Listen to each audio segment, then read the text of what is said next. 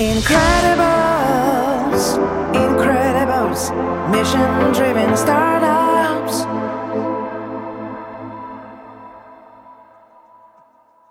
Jarosław Sroka, dobry wieczór.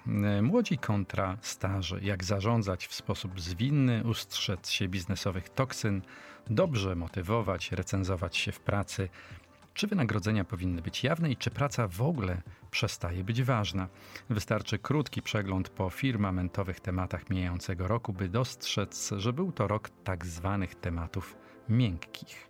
Jaka płynie z tego nauka i czy coś twardego w związku z tym pominęliśmy, czym powinniśmy się zająć w roku przyszłym? O tym dziś firmament, przedświątecznie i na spokojnie, żeby barszczyk nie wykipiał. Firmament.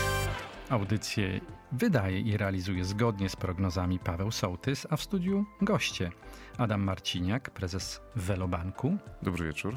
Iwona Sroka, członek zarządu Murapolu Dobry wieczór Państwu. i Dorota Żążewska, prezes Polskiej Izby Rzeczników Patentowych. Dobry wieczór Państwu. Na początek pytanie strategiczne. Grzybowa czy barszcz? Proszę się określić. Oczywiście barsz z łóżkami. Oczywiście barsz z uszkami. Zdecydowanie barszcz. Cóż za jednomyślność. To czego w takim razie nie, czego jeszcze w takim razie nie wiemy o roku 2024, a wy już wiecie i możecie się z nami podzielić, jeśli chodzi o prognozy dla waszego i nie tylko waszego biznesu. Z mojej perspektywy, mojej, jako rzecznika patentowego krajowego i euro- europejskiego, 2024 to będzie rok wielu, wielu zmian, o których przedsiębiorcy powinni już teraz pomyśleć, bo to jest kwestia strategii, strategii działania, strategii budowania biznesu. A myślę tutaj o pewnych zmianach i ustawowych, i unijnych e, regulacji e, związanych z ochroną patentową, związanych z, e, sztuczną inteligencją. E, Ale to tak konkretnie, jeżeli możemy prosić, co nam grozi? Czy grozi? Myślę, że nie, że to nie jest kwestia mm, groźby, bardziej podejścia strategicznego i świadomego doboru pewnych narzędzi, pewnych instrumentów, które dają nam właśnie regulacje e, prawne, bo my teraz w przedsiębiorstwach, dużych, małych, średnich, coraz częściej korzystamy z narzędzi opartych o sztuczną inteligencję, ale zapominamy we własnych przedsiębiorstwach odpowiednio uregulować zasad korzystania z tego narzędzia. A my jesteśmy z tych, którzy regulują, czy robią to na ostatnią chwilę? I drugie pytanie, czy to szansa dla polskich przedsiębiorców, że dzięki tym regulacjom będą jeszcze bardziej konkurencyjni? Myślę, że jeśli chodzi o sztuczną inteligencję, to potrzebujemy mm, regulacji jako społeczeństwo, dlatego że sztuczna inteligencja dotyka w tej chwili bardzo wielu e, sfer naszego e, życia i my powinniśmy mm, wiedzieć, w jakich ramach powinniśmy się e, poruszać. E, To jest jeden aspekt. E, Coś, e, co też chciałabym podkreślić, to to, że wydaje mi się, że nie ma odwrotu od wykorzystywania sztucznej inteligencji w biznesie. Jest tylko kwestia tego, jak będziemy to robić. Czy świadomie, czy przypadkowo i czy do- podejdziemy do tego strategicznie, czy nie. Mhm. Adam, Ja jestem przeciwnikiem regulacji. Znaczy, jeżeli chodzi o nowo rozwijający się ten taki trend y, y, właśnie wykorzystania sztucznej inteligencji, to uważam, że jesteśmy za wcześnie, żeby to regulować, bo jeszcze nie wiemy, co regulować. Oczywiście są wiele tam jest zagrożeń, wiele jest y, różnych niewiadomych i, i, i kwestii związanych, które nawet nie, nie zdajemy sobie sprawy. Natomiast jak coś za wcześnie zaczniemy regulować, to może się okazać, że bardzo mocno ograniczymy sobie pewien, pewien potencjał, szczególnie patrząc z punktu widzenia przedsiębiorców, w stosunku do naszej globalnej gospodarki, która jednak jest nierówno, można powiedzieć, regulowana. I tutaj trzeba uważać, właśnie, bo to, to sztucznej inteligencji cel- celowo będę, tak się mm, mm, zaczepiłem, e, z racji tego, że tam mamy gdzieś tam wschód, zachód, prawda? Fajnie o tym pisał tam Kai-Fu Lee w swojej książce, ten AI Superpower jeszcze parę lat temu, gdzie coś nieuregulowanego, jak się rozwija, ale z drugiej strony widać, że nie do końca się to sprawdziło akurat i o Chiny, bo dużo lepiej sobie poradziły tym właśnie amerykańskie, można powiedzieć, firmy technologiczne, wypuszczając właśnie ten kolejne, kolejne wydania generatywnej sztucznej inteligencji, która jakby wdarła się już do nas, można powiedzieć, takim no z Chinami, promptem. Z Chinami promptem. jest ten problem, że do końca nie wiadomo, co tam się wydarzyło w sferze sztucznej inteligencji, a szczególnie w zakresie kontrolowania społeczeństwa, więc myślę, że... To są dwie różne rzeczy. Kontrol, wykorzystanie, a rozwój to są dwie różne rzeczy. Jedna rzecz to jest tak, przepraszam, że mhm. tak, dobrze, dobrze. tak wejdę, bo chcę dokończyć ten, bo jeżeli chodzi o... Tu na stole pojawił się barszcz. Sztuczną, y, tak, sztuczną inteligencję y, i amerykańskie akurat te rozwiązania, które zostały, czy powiedzmy ta, ten AGI wykorzystywany przez Zachód i wdrożony charakteryzował się tym, że miał przede wszystkim łatwiejszy dostęp do danych i większych zbiorów danych. Łatwiej było te modele nauczyć i większa moc obliczeniowa, większe pieniądze. W przypadku tego e, chińskiego, tam troszeczkę jest to mniej, mniej można powiedzieć, zakres danych jest bardziej ograniczony, mniej dostępny i, i te modele co do zasady są jeszcze trochę mniej dojrzałe. Ale to Adam, wrócę na sekundkę do tego wątku regulacyjnego. Co z Twojego punktu widzenia jako prezesa Velobanku i Twoich klientów dobrze by było uregulować w przyszłym roku, żeby ten biznes funkcjonował lepiej? Znaczy podstawą przetwarzania, znaczy rozwoju sztucznej inteligencji jest przetwarzanie danych. Przetwarzanie danych, dużych zbiorów danych i wykorzystanie modeli, a, a to, co jest w sektorze bankowym jest bardzo mocno utrudnione, to jest na przykład przetwarzanie danych klientowskich w chmurze. Prawda? Czyli to jest coś, co jest obarczone dużymi restrykcjami. Oczywiście tam wiele rzeczy już zostało zrobionych, natomiast pewnego łatwość absorpcji właśnie tych najnowszych technologii, oparcie o chmurę, przetwarzanie dużych zbiorów w chmurze klientowskich, e, tajemnicy właśnie przedsiębiorstwa, ale w sposób bezpieczny, na pewno pomoże dużo lepiej polskim przedsiębiorstwom czy sektorowi finansowemu się rozwijać. Ale czy, czy ja mogę, mogę wejść w słowo nalegam. Adamowi, dlatego że e, ja nie chciałabym być e, źle zrozumiana, bo to, że powiedziałam, że e, no właśnie powinniśmy mieć pewne regulacje, to nie oznacza, że ja tutaj uważam, że powinny być sztywne reguły, bo zdaję sobie sprawę z tego, na jakim jesteśmy etapie rozwoju sztucznej inteligencji. I tak naprawdę w tej chwili my mamy taką sytuację, że w Stanach Zjednoczonych jest rozporządzenie podpisane dotyczące e, sztucznej inteligencji, e, które to rozporządzenie tak naprawdę określa pewne generalne kierunki, w którą stronę rozwój sztucznej inteligencji ma następować. W Europie natomiast cały czas trwają prace nad tym, żeby w sposób odpowiednio uregulować e, te kwestie. Natomiast to, o czym ja mówiłam, to bardziej chodziło mi o to, że właściwie o tym też wspomniał Adam, y, że mm, to jest nieuniknione, że przedsiębiorcy będą korzystali z narzędzi e, wykorzystujących sztuczną inteligencję. Istota polega na tym, żeby robić to w sposób świadomy, bo my wielokrotnie, i to mówię o pewnych doświadczeniach, także wynikających z od klientów, z którymi ja mam e, kontakt, że nawet nie są świadomi, że ich pracownicy korzystają z narzędzi e, wykorzystujących sztuczną e, inteligencję. Potem pojawia się kwestia odpowiedzialności. Jeśli usługa, którą świadczy klient, wykorzysta takie narzędzie, a pracodawca o tym nie wie, to jakie z tego wynikają konsekwencje? To jest jeden aspekt.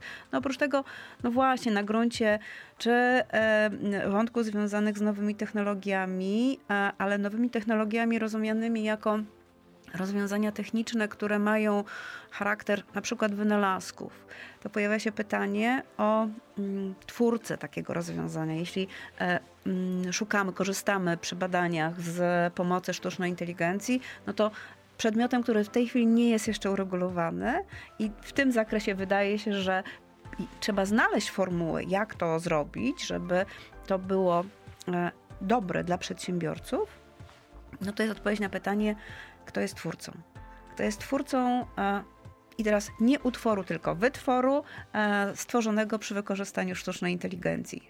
Legendarny dylemat, kto jest twórcą, a kto tworzywem. Iwona, u was... e, Właśnie ta pytanie, sztuczna, jakie, jakie jest pytanie Ta teraz? sztuczna inteligencja chyba wam mieszkań nie wybuduje, więc pytanie jest brawurowe, no właśnie, niezmiennie. Chciałam powiedzieć, Czy że by- spróbowaliśmy i na razie nie jest lepsza na pewno od naszych inżynierów, naszego e, opatentowanego systemu Unit 94 i e, Building Information Modeling, ale rzeczywiście taka próba była podjęta, bo można zadać pytanie, wybuduj na tym tej działce, tym kształcie najbardziej optymalne e, budynek, gdzie będą mieszkania, które się będą najlepiej sprzedawały. Na razie człowiek jest tutaj jeszcze z dotychczasowymi I technologiami ta lepszy. komenda brzmi weź wybuduj? Weź wybuduj. I wybuduj. Ale to, to o czym e, Iwona też e, powiedziała, bo ja wielokrotnie spotykam się z takimi opiniami, sztuczna inteligencja to dramat, po co nam, nie, to jest sposób dla wyeliminowania człowieka z tej bieżącej Bias, pracy. Tak, uprzedzenia. Ja się, ja się z tym nie zgadzam. Ja się z tym nie zgadzam, dlatego że tak naprawdę, e, mm, czy chcemy, czy nie chcemy, na naszych e, oczach no, dzieje się rewolucja cyfrowa. I teraz e, wydaje mi się, że my nie możemy być w kontrze do, do tego, jak zmienia się świat. My po prostu musimy się z tą rzeczywistością jakby oswoić i nauczyć czerpać to, co najlepsze. Przy czym, żeby była jasność. Ja uważam, że na tę chwilę wykorzystywanie narzędzi e, opartych o sztuczną inteligencję bez człowieka nie jest możliwe. No po prostu nie jest. Znaczy mi się wydaje, że tutaj y, jakby ta narracja jest y, jakby niewłaściwa, nie mówię o twojej Dorota, bo to ja się z swoją zgadzam w 100%, że mm, jest taka ciągle pryzmat takich zagrożeń, takiego negatywnego odbioru, co się ze mną stanie, prawda? Natomiast biorąc pod uwagę, że to, jak widzimy, postępuje ten rozwój y, wykorzystania tych najnowszych technologii sztucznej inteligen- inteligencji, to przede wszystkim rozszerzenie kompetencji, rozszerzenie możliwości obecnych, y, y, obecnych zawodów, y, poprawiając produktywność. Szacuje się, że ta produktywność w- ogóle w gospodarce przez właśnie wykorzystanie sztucznej inteligencji w ciągu tam y, właśnie najbliższej dekady powinna wzrosnąć o 40%. Prawda? To, to, to pokazuje, jaki, jaki istotny skok. To jest, można powiedzieć, tak jak em, kiedyś właśnie e,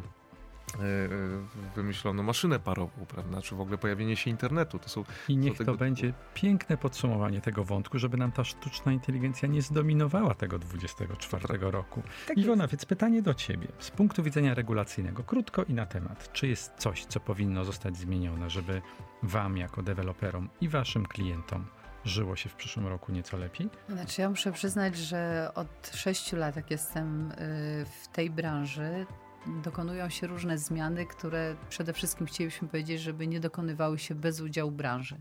Jest mnóstwo regulacji. Trudno mi tak ogólnie powiedzieć, bo na pewno kończą się tak szczegółowo, powiem, warunki techniczne w nadchodzącym roku, we wrześniu, które trzeba będzie od nowa dyskutować, coś co wcześniej e, ministerstwo zmieniało przed wyborami.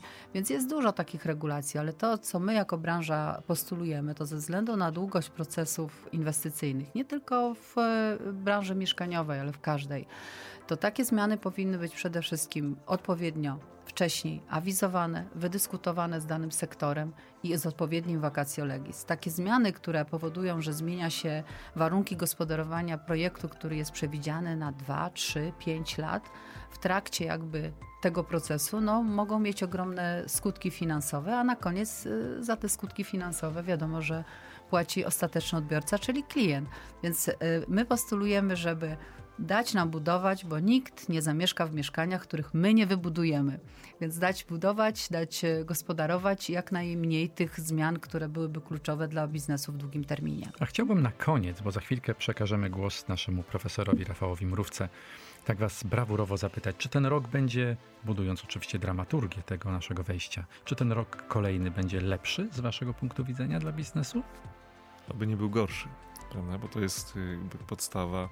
Y, Ważne jest, żeby otoczenie było stabilne, prawda? Bo to jest tak, że od 2000 roku y, ciągle zyskujemy kolejne szoki. Prawda? Mamy tam, zaczęło się od pandemii, wojny, wzrostu cen gazów, energii, teraz kolejna wojna, zakłócenia w łańcuchu dostaw i tak dalej, kolejne zakłócenia. My sobie życzymy teraz, co roku życzymy, o tej tak, porze, żeby, żeby, żeby coraz, żeby, żeby de facto tych, tych zewnętrznych takich zdarzeń, czarnych łabędzi, czarnych łabędzi rzeczywiście, żeby nie było, bo wtedy mhm. wydaje się, że Ale kluczem jest przygotowanie organizacji i też jakby mentalnie zarządzających do zmian, tak. bo nikt nie przewidzi tego, czy ten rok będzie lepszy, czy gorszy. Trzeba być przygotowanym na zmiany. Kto przewidział trzy lata temu, zaraz będzie cztery, w styczniu 20 roku, że wybuchnie COVID, który zmienił kompletnie reguły gry na kilka lat, tak. bo jednak przerwane łańcuchy dostaw, wzrost e, cen materiałów, no to wszystko rzutowało na biznes i trzeba było się do tego po prostu przy, przystosować i zarządzić tym odpowiednio. Więc nie, nie wróżmy z fusów, tylko bądźmy na to przygotowani. Tak. Ja kiwam głową, bo zgadzam się i z Iwoną, i z. Czyli łączy was nie Adamem. tylko zamiłowanie do barszczu. Nie, nie tylko. Tylko optyka właśnie, czego można się spodziewać w 2024. Słuchajcie, to posłuchajmy w takim razie. Słuchajcie, to posłuchajcie. To, co, co to za konstrukcja? Posłuchajmy w związku z tym, czego nauczył się w tym roku profesor Rafał Mrówka ze Szkoły Głównej Handlowej, we współpracy z którą powstaje Firmament. Firmament. Czy rok 2023 można uznać za przełomowy, jeśli chodzi o rozwój różnych koncepcji związanych z zarządzaniem? Przyznam, że nie widzę jednego przełomowego obszaru. Najważniejszy trend, którego źródeł należy szukać jednak jeszcze w końcówce 2022 roku, to oczywiście rozwój generatywnej sztucznej inteligencji i kolejne nowe odkrywane przez nas jej zastosowania. Zmiana, jaka zaszła w tym roku i w moim przekonaniu jej znaczenie tylko pogłębi się w przyszłym, to zrozumienie, że jest to narzędzie, które ma bardzo wiele zastosowań, które znacząco mogą zaoszczędzić nasz czas, zasoby, szczególnie w zakresie wyszukiwania i analizy danych, generowania coraz bardziej kreatywnych rozwiązań. Czy będzie to zagrożenie dla pracowników na współczesnym rynku pracy? Jeśli nie będą się zmieniać i rozwijać, pytanie nie brzmi, czy jest to zagrożenie, tylko jak wielkie i jak szybkie i głębokie zmiany wymusi. Oczywiście ciągle niejasne pozostaje, która z firm wygra wyścig o stworzenie najlepszego, najbardziej uniwersalnego i uzależniającego klientów rozwiązania z zakresu AI. Czy będzie to prekursorski chat GPT i jego kolejne wersje firmy OpenAI w partnerstwie z Microsoftem? Czy googlowy BART odzyska pozycję lidera dla swoich twórców? Czyż narodzi się nowe rozwiązanie? Ten wyścig będziemy obserwować przez lata. Kolejne trendy, które chcę wymienić, to raczej kontynuacja wcześniejszych zjawisk. Ich znaczenie nie powinno jednak maleć w 2024 roku. Należą do nich rosnące znaczenie zarządzania ryzykiem wobec niezmiennie rosnącej dynamiki zmian we współczesnym świecie, a co za tym idzie rozwój bardziej zwinnego, agile'owego podejścia zarządzania. Zarządzanie różnorodnością i inkluzywnością to już dziś nie moda, lecz konieczność. Rosnące znaczenie koncepcji zrównoważonego biznesu, także raportowania praktyk związanych z ESG. I skoro zaczęliśmy od szczególnej technologii, jaką są systemy AI, trzeba generalnie dodać, że rozwój wielu technologii wymuszanej przez nie transformacji cyfrowej to ciągle oczywistość i konieczność. To od lat niezmienne wyzwanie dla liderów biznesu. No, nie zastosowali się Państwo do mojego apelu, bo nie posłuchaliście zbyt uważnie profesora Mrówki. Tu rozgorzała, proszę Państwa, bardzo dynamiczna dyskusja, gorąca dyskusja na temat tego, co nas czeka w 2024 roku. Ale chciałbym nawiązać do tego wątku, który troszeczkę przemycacie w swoich wypowiedziach, bo zakaz mówienia o sztucznej inteligencji przez najbliższe kilka minut. Jak przygotowuje się organizacje, to Iwona wspomniała o tym wątku, do tego, co nieprzewidywalne? Co takiego robicie jako menadżerowie, jako liderzy, żeby to się wszystko dobrze składało i żeby ta organizacja miała w sobie taką zwinność i gotowość stawiania czoła tego typu wyzwaniom? Kto zaczyna? To znowu mogę powiedzieć, jeżeli tylko rodzynek tak? spróbować.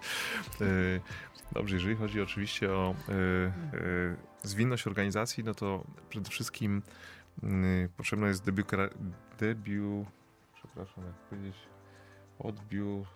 Hmm? Bez biurokratyzacji. Bez biurokratyzacji, przepraszam, jednak trochę, trochę się ostatnio oduczyłem tego. E, doprowadziliśmy do, do organizacji, której, żeby, żeby działała zwinnie, trzeba bardzo skrócić oczywiście tak zwane procesy decyzyjne, prawda? Procesy, formalizmy. Oczywiście w sektorze finansowym jesteśmy mocno zdefiniowani przez rygory prawa, różnego rodzaju mhm. regulacje, przepisy i działania ostrożnościowe, bo to jest jednak instytucja zaufania publicznego i tam musimy być bezpieczni i działać w sposób tak zwany ostrożny.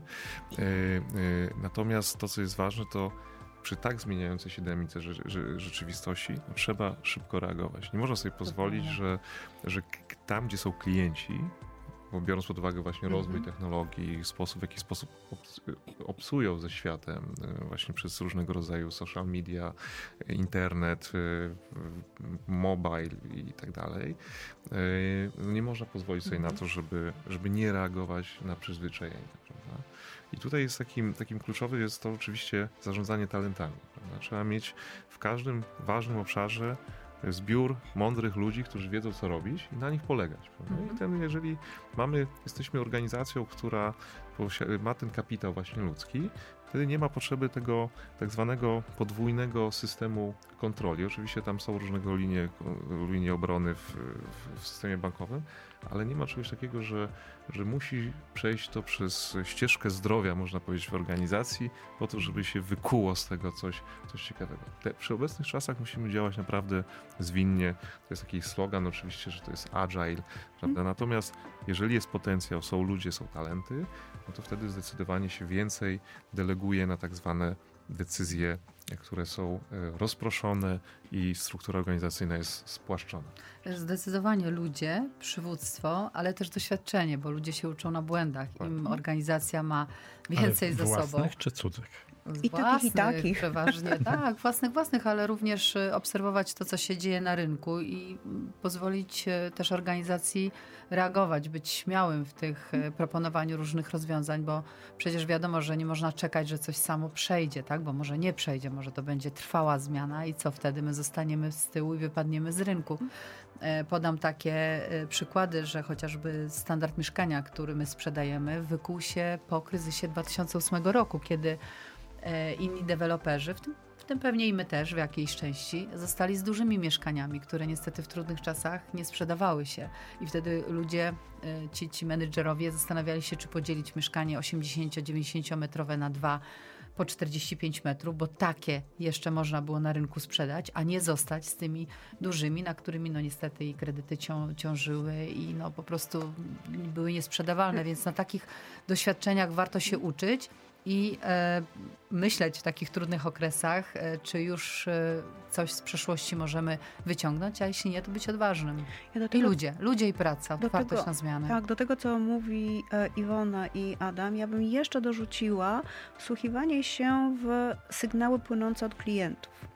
Dlatego, że e, na przykład my w e, kancelariach patentowych, to podobnie jak e, Adam, wykonujemy zawód zaufania publicznego. W związku z tym też mamy dostęp do różnych danych, informacji, które musi być poufność zachowana i tak dalej. W związku z tym te obligi, o których mówił Adam, nas też dotyczą.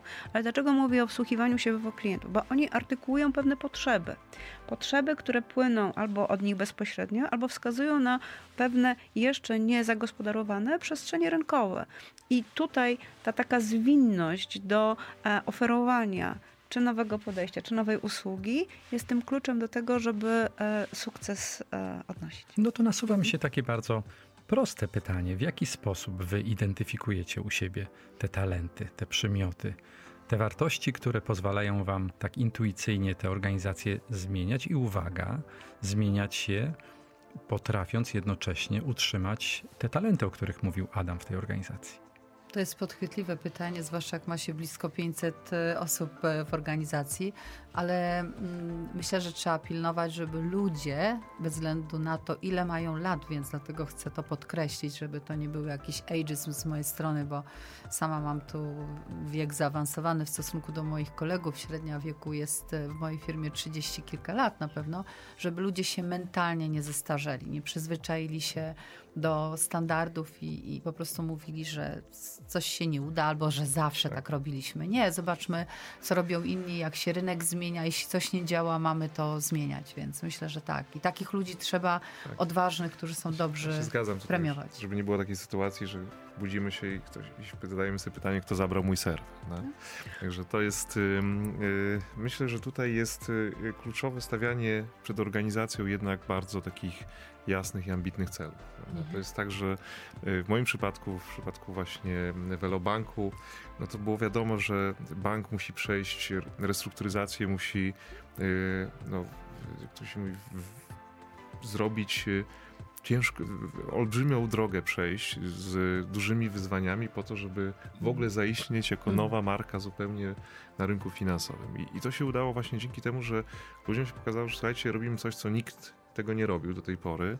Nie jest oczywiste i macie szansę właśnie wpisać się w historię właśnie kanonu bankowego jako właśnie najlepszą restrukturyzację, którą można zrobić w, w, właśnie w, w, kraju. I to jest, myślę, że to, to, to się nam udało, bo teraz te efekty, no oczywiście czekamy na ostateczne oferty inwestycyjne, co też jakby sprzyja polska gospodarka, zaczyna się troszeczkę być inaczej postrzegana na, przez inwestorów zagranicznych, przecież to widzimy też zaangażowaniem w nasz proces. Mhm. Natomiast no, myślę, że tutaj y, właśnie jest takie kluczowe, żeby jednak być głodnym, zrobić w organizacji taki głód, można powiedzieć, sukcesu. Dostrzegać tych tak, ludzi, tak, konkursy dostrzegać. właśnie na tak, optymalizację. Ale, na ale dawać też im przestrzeń tym, tym tak. osobom, żeby Aha. i oni mogli rozwijać skrzydła, tak? Nie bać się, powierzać tak, pewnych tak. zadań ludziom młodszych, młodszym, mniej doświadczonym, zapewnić im mentoring i mhm. pomagać, bo wtedy oni się będą czuli związani z firmą i będą mieć też to poczucie takiej misji, którą mogą w firmie e, odegrać. Znakomite podsumowanie podsumowanie tego wątku. Wracamy po piosence. Firmament. Czas na telefon do przyjaciela, e, który gdzieś daleko w zakładzie stomatologicznym, prawda? Sebastian Mikosz? Dzień dobry, już wyszedłem. Miałem doskonały pretekst. No, obawialiśmy się tutaj, e, szczególnie Adam, że mogli ci podać gaz rozweselający i pewnie ta rozmowa nie potoczyłaby się najpłynniej, a nie, pewnie płynnie by się bardzo potoczyła. Sebastian e, Mikosz, od lat związany z branżą lotniczą, były prezes e, Polskich Linii Lotniczych LOT, e, członek zarządu AJATA, Stowarzyszenia Międzynarodowych Przewoźników Lotniczych, dzisiaj związany z firmą APS.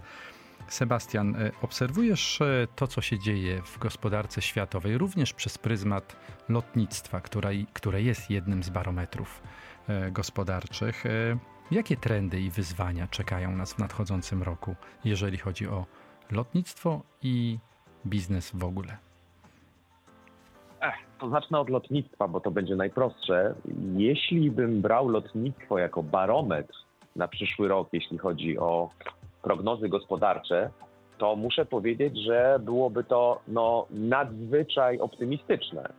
E, dlatego, że lotnictwo, e, jak Państwo wszyscy wiecie, no, przeszło przez najtrudniejszy okres w swojej historii, licząc stuletniej historii w czasie COVID-u, kiedy to w praktyce przestało funkcjonować. No i zjawiło się pytanie, czy wróci latanie, czy wróci zainteresowanie podróżowaniem do jakiego poziomu. No i nie dalej niż w zeszłym tygodniu Stowarzyszenie Lotnisk jako pierwsze podało prognozę na rok 2023, czyli prognozę tego według Stowarzyszenia Lotnisk, ile ilu pasażerów e, e, podróżowało w roku 2023. I muszę powiedzieć, że e, no jest to zaskoczenie dla wszystkich, bo liczba, którą podali, znaczy cyfra, którą podali, to jest blisko 5 miliardów pasażerów na świecie rocznie. Teraz oczywiście jak się w tym nie siedzi, no to to nie, niewiele mówi, ale w najlepszym roku przed COVID-em ta, ta liczba, ta wielkość wynosiła trochę ponad 4 miliardy. Więc jesteśmy w sytuacji, w której nie tylko, że ruch wrócił, ale on wrócił szybciej niż zakładano. E, co widać dla tych z Państwa, którzy podróżują, że no lotniska i ta infrastruktura lotniskowa jest po prostu wypełniona po brzegi. Bilety sprzedają się jak ciepłe bułeczki i to pomimo wzrostu cen, średnio to znowu, to znowu Ajata podaje ponad, ponad 20%. Więc ta prognoza, jeśli chodzi o ruch pasażerski, turystykę, związane z nim cargo również, no napawa mnie gigantycznym optymizmem i tylko patrząc przez ten kąt, no to rzeczywiście przyszły rok powinien, być, powinien być wyjątkowy, bo już widać, że zainteresowanie nie maleje, a wręcz, wręcz przeciwnie. Więc taką nutą optymizmu bym zaczął. A jakie to ma przełożenie na inne branże? Jak postrzegasz, które branże będą takimi lokomotywami wzrostu w przyszłym roku poza lotnictwem? No, poza lotnictwem y, cały czas technologie, to znaczy chwilę słuchałem Państwa rozmowy przed, przed wejściem no i tutaj e, branże związane z tą sztuczną inteligencją, które w 2023 roku właściwie eksplodowała, według mnie będzie dalej się przekształcała i zmieniała e, obraz gospodarki, e, będzie zmieniała jakość tego, jak pracujemy, e, będzie również zmieniała parametry ekonomiczne, no bo coś, za co kiedyś płacono czasami po kilkaset dolarów za godzinę pracy, można w praktyce uzyskać za no, no, no kilka, kilka centów teraz, tak? Przeliczając to na jakieś wartości ekonomiczne. Więc wydaje mi się, że to jest jedna z branż. A druga, to może Państwa zaskoczę, ale jest na przeciwnym biegunie, czy przeciwległym biegunie i ona jest niezwykle tradycyjna i prosta, a mianowicie zbrojenia. E, mamy sytuację, w której chyba nigdy w historii, przynajmniej w Europie i w Stanach, nie było tak dużo zamówień zbrojeniowych. E, mamy za naszą granicą operację e, wojskową, która jest największą operacją wojskową czy wojną, angażującą największą ilość ludzi i sprzętu od czasu II wojny światowej. Mamy największe wydatki w budżecie polskim, ale i w budżetach innych państw. Więc z jednej strony e, mamy super nowoczesne branże właśnie technologiczne, o których rozmawialiście, a z drugiej strony inwestujemy w stary, dobry czołg, karabin, hełm, e, kamizelkę i piechura. E, bardzo, bardzo tradycyjną taką wojnę, jaką znaliśmy z książek historii i widać, że ta branża no, przygotowuje się na, na dużą produkcję i na duż, duże zakupy i nie wygląda na to, żeby kraje ustały w, tym, e, w, tym, w tych inwestycjach. No właśnie, Sebastian, pozwól, że będę borował w tym obszarze nieco głębiej. Czy sytuacja geopolityczna nie powinna być dla nas zmartwieniem, skoro tej broni się produkuje tak dużo, to w określonym celu? Czy nie należy się liczyć z eskalacją e, konfliktów zbrojnych na świecie? Znaczy, wydaje mi się, że e, one były i, i są. I, I, to jest troszkę tak, że my e, tym razem jesteśmy bliżej tych konfliktów w sensie fizycznym, ale one zawsze były. Konflikt, e, e który widzimy w Izraelu, jest konfliktem, który istniał od lat. On teraz nabrał trochę nowego wymiaru i społecznego, i politycznego, ale z militarnego punktu widzenia on, on trwał. Mamy trochę taki już powiedziałbym zakurzony konflikt Tajwan-Chiny, który może się przerodzić w jakąś konfrontację militarną, ale czy byłoby to zaskoczeniem? Nie wiem. Wydaje mi się, że wydaje mi się jednak, że jesteśmy trochę obyci z tymi, tymi konfliktami. One tu i tam wybuchają, mają inne znaczenie dla nas w Polsce, ale równie y, mógłbym powiedzieć, że E, e, inne znaczenie ma dla, dla Indii e, sytuacja w, w konflikcie takim trochę wiszącym w powietrzu cały czas z Pakistanem, który co jakiś czas, co jakiś czas wybucha, a, nie, a przecież w tym roku mieliśmy też chyba już pierwszą taką publiczną konfrontację armii chińskiej i, hinduskiej, więc wydaje mi się, że zbrojenia będą kontynuowane, ale nie wiązałbym tego od razu z takim ryzykiem E, e, ryzykiem wojny, to może właśnie zbroimy się po to, żeby tej wojny uniknąć, prawda? E, więc jakoś tutaj nie wydaje mi się, żeby. Nie, znaczy, nie wiem, ale to jest intuicja oczywiście, żebyśmy widzieli coś, coś nowego. Będą konflikty, będą wybuchały. Część, na część po prostu, jak na przykład w Syrii, nie zwracamy już uwagi. Chociażby idąc takim przykładem E, znowu Izraela, że te, ten konflikt Izraelu całkowicie odciągnął e, uwagę światowych mediów od konfliktu na, Ukrai na Ukrainie, który był przecież na pierwszych stronach przez, przez wiele miesięcy. Więc jakoś, nie wiem, nie, nie tu mi się wydaje, że, że jest zagrożenie. Sebastian, i ostatnie pytanie. Mm, twoja najbardziej nieoczywista biznesowa nauka z 23 roku, którą hmm. spożytkujesz w kolejnych 12 miesiącach? najbardziej nieoczywista to wydaje mi się.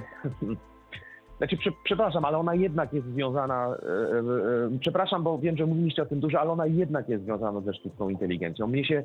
E, e,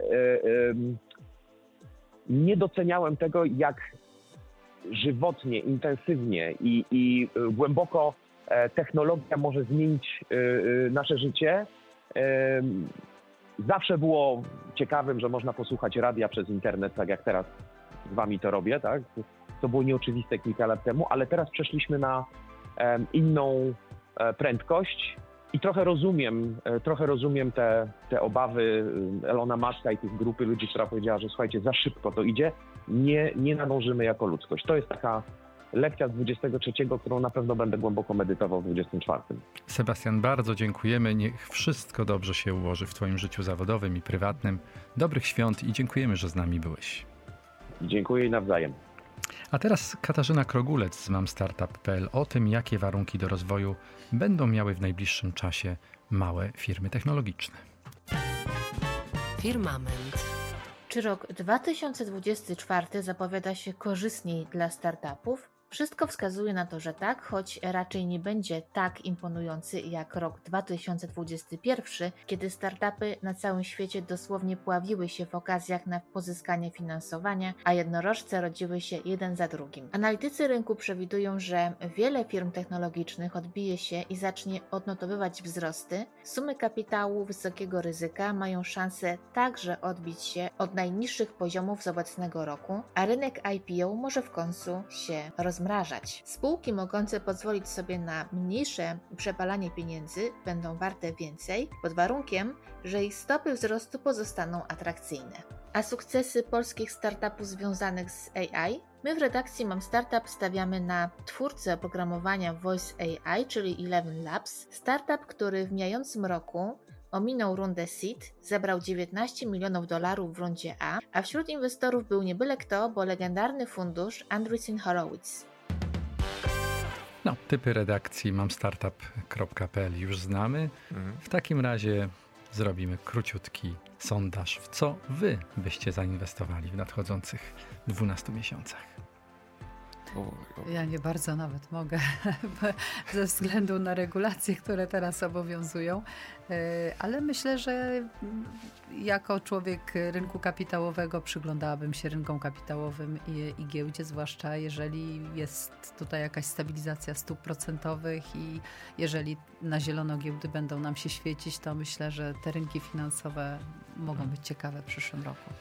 Ja myślę, że y, na pewno przy mm, tym trendzie, który mamy y, też oczywiście takiej transformacji energetycznej, myślę, że tutaj wszelkie inwestycje w obszar, gdzie związany jest właśnie z tą zieloną transformacją, czy z punktu widzenia e, właśnie gospodarstw domowych czy, czy firm. Wydaje się, że to jest coś, co, na co warto zwrócić uwagę. Na to na pewno pójdą duże pieniądze, zarówno unijne, jak i też e, nawet instytucje finansowe odpowiednio też są stymulowane do tego, żeby, mhm.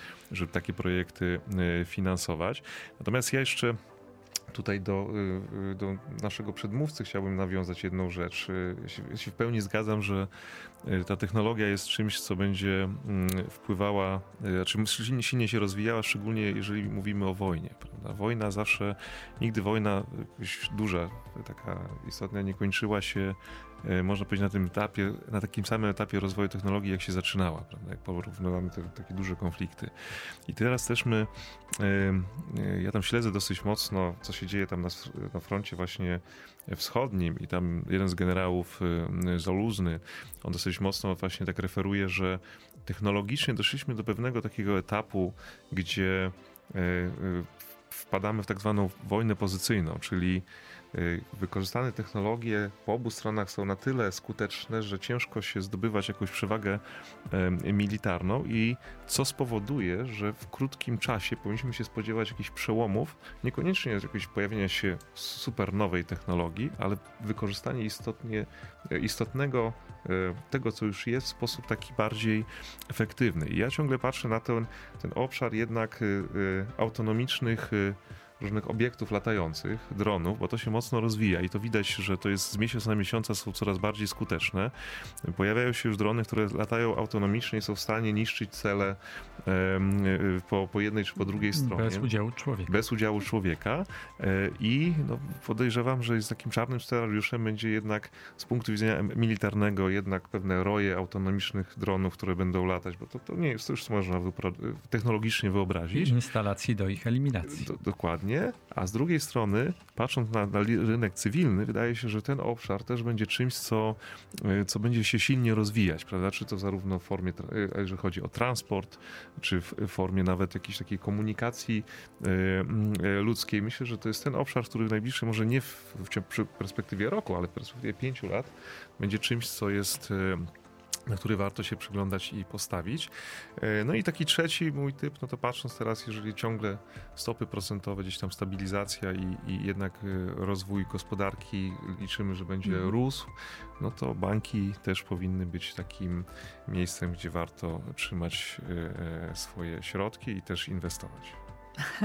Dorota. Z, a z mojej perspektywy, znaczy trochę podobnie jak Adam, bo myślę, że zielona energia i pochodne zielonej energii, branże powiązane, e, plus e, kwestia ekologicznej mobilności, to są te sektory, które będą się rozwijać i gdzie właśnie rozwiązania o charakterze innowacyjnym no, siłą rzeczy będą powstawały. W związku z tym myślę, że to jest ta, ta no Myślę, że cały ten biznes związany z szeroko rozumianym SG, dekarbonizacją, tak, termoizolacją, tak, no to jest coś, co nie na przyszły rok, na kolejne no, lata. Oczywiście, że tak. Czyli ja sobie tutaj robiłem takie szybciutkie notatki.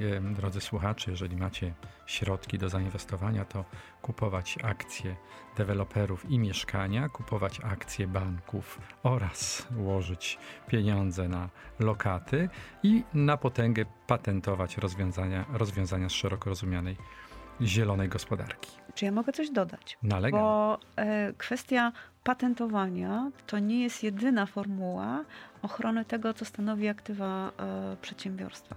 Ja jak mantra powtarzam, że własność intelektualna w przedsiębiorstwie, dobrze chroniona, dobrze zarządzana, jest tym najważniejszym, e, wbrew pozorom, aktywem.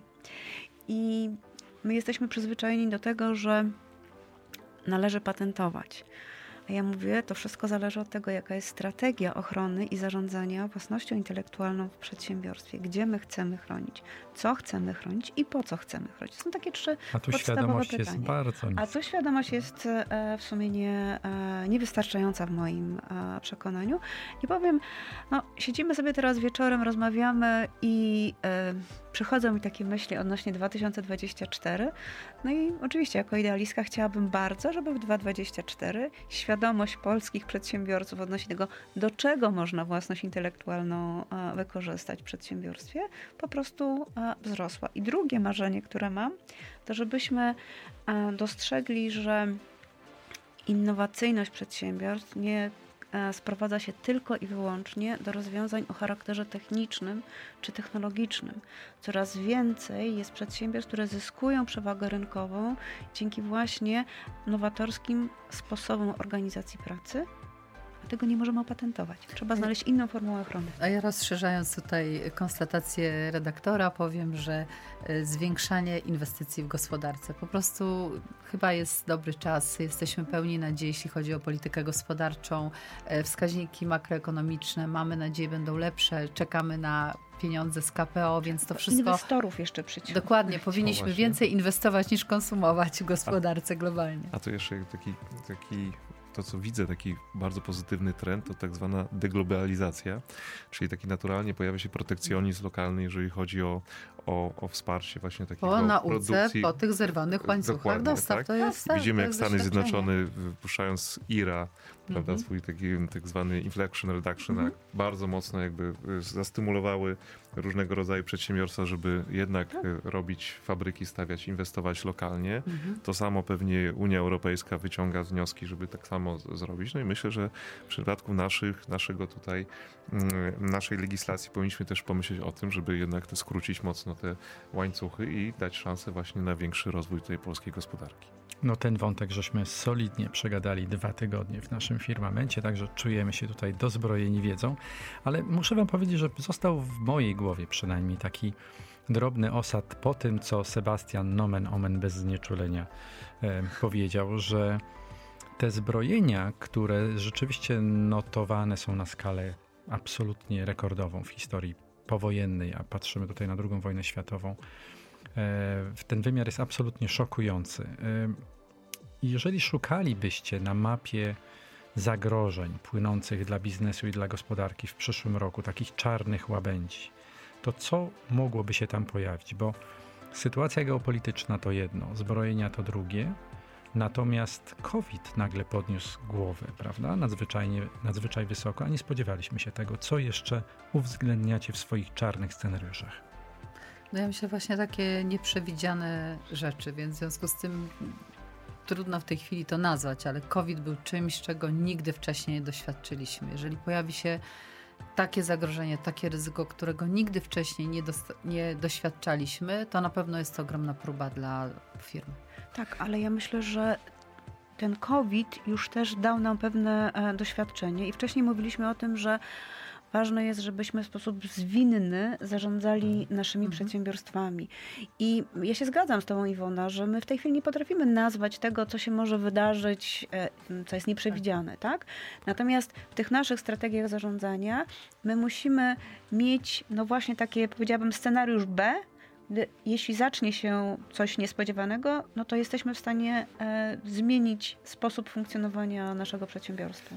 Y, z mojej strony ja, ja widzę teoretycznie dwa zagrożenia. Jedno to jest y, niestety, jeżeli się okaże, że inflacja nie będzie zmierzać w dół, tylko okaże się, że po zimie, po różnego rodzaju też y, działaniach, które mają za zadanie właśnie tą inflację, znaczy podnoszenie na przykład tych płac minimalnych, czy ostatnie nawet te działania tak zwane socjalne, które spowodują, że tych pieniędzy będzie więcej, czy ta część energetyczna, prawda, jeżeli się okaże, że te ceny energii będą rosły i produktów, i mhm. produkcji, no to wtedy może być problem z racji tego, że to miękkie lądowanie wcale nie będzie takie nie miękkie, będzie miękkie, prawda, mhm. I, i z drugiej strony też e, sektor finansowy może nie być w stanie finansować e, też e, gospodarki. I to jest, to jest jeden temat. I drugi to jest jednak stabilność prawa stabilność prawa i regulacji, tak? No to jest coś, że jeżeli, jeżeli będziemy mieli, nie będziemy mieli pewnego rodzaju takiej stabilności, przewidywalności, o której Iwona ty tak. wspominałaś, to tak? jest no to, najważniejsze. To jest, no to wtedy będziemy mieli różnego rodzaju takie szoki. Nawet mhm. jeżeli teraz rynek deweloperski ma rozwój poprzez kredyt na przykład 2%, y, prawda? Ale on się za chwilę skończy. I za chwilę się okaże, że jeżeli nie będzie kolejnej Ale to już edycji, w takich czasach żyliśmy, jest, więc się okaże, tego nagle, się nie boimy tak Nagle bardzo. będą wysokie ceny, zostaną, ale mhm podaż, popyt, popyt spadnie. Ale to jest coś, co znamy, bo już w takich czasach żyliśmy. Bardziej są takie zaskakujące zwroty, do których trzeba się przyzwy... dostosować, bo tego wcześniej nie było. Ale to jest taki przykład bardziej, że tu jest ta niestabilność tak. pewnych rzeczy, które powodują Ale Adam ma rację, Adam ma rację. Stabilność prawa jest tym elementem, który na przykład będzie przyciągał inwestorów. No w tej chwili coś, co my obserwujemy, to nie ma zagranicznych inwestorów, którzy chcieliby tutaj na rynek polski wejść. Tak poważnie wejść, tak? I teraz, nie jest tak źle. Znaczy, nie, nie, nie, nie ja, nie mówię, że nie ma, że, że, że, nie ma, że jest zero, jest tak? tak? ale rzeczywiście przy Stabilność zmianie, prawa jest potrzebna. zmianie w tej chwili rządu, przynajmniej to, z czym ja się spotkałam, to pytanie o jaka będzie ta polityka gospodarcza, tak. szeroko tak, rozumiana. Tak, tak, tak. I kwestia środków, To jest pewien tak, znak zapytania. Natomiast poza tym zmianą prawa, to jeszcze jest coś, co jest tematem y, adresowanym do każdego nowego rządu odbiurokratyzowanie gospodarki, uproszczenie procedur, przyspieszenie Czyli i jak to się przekłada, tak, przekłada na pieniądze. Adama Bank. Tak. Drodzy Państwo, mamy już naprawdę niewiele czasu. Ta rozmowa jak z bicza nam tutaj minęła. E, powiedzcie tak na koniec, taka króciutka sugestia, rekomendacja dla naszych słuchaczy. Kogo warto słuchać, obserwować, czytać? Kto prognozuje przyszły rok? Macie kogoś takiego, do kogo słów przywiązujecie szczególną wagę? Iwona? Y, mam paru polskich ekonomistów, ale nie chcę jakby tutaj y, publicznie ich wymieniać, gdzie, gdzie zawsze jak widzę i, i słucham, to, to z wielkim zaciekawieniem i jest kilka takich osób, ale może nie będę reklamowała, ale głównie tutaj opieram się na sprawdzonych e, rynkowych nazwiskach. Adam. Ja tak, ja tak lubię podchodzić do tego w sposób taki generalny. Ostatnio dosyć, dobre wrażenie, takie wręcz bardzo dobre wrażenie wywarła na mnie książka Davida Epsteina The Range, czyli za, taki zasięg. Ona mówi o pewnego rodzaju e, e, konieczności zrozumienia tego, że świat, który był, że zaczynamy pracę i kończymy w swoim całym życiu jest ten sam, mhm. jest jakby się zmienił, że musimy się ciągle rozwijać i uczyć czegoś nowego. Myślę, że to jest dobry pomysł, przynajmniej na, na To jest dobra puenta na dzisiejszy Dorota. wieczór. I to jest do, dobra puenta na dzisiejszy wieczór, że my musimy się cały czas doskonalić, uczyć i mierzyć tą zmieniającą się rzeczywistość. Cóż za zgodna drużyna. Adam Marciniak, Iwona Sroka, Dorota Żążewska. Dziękujemy. Dziękujemy.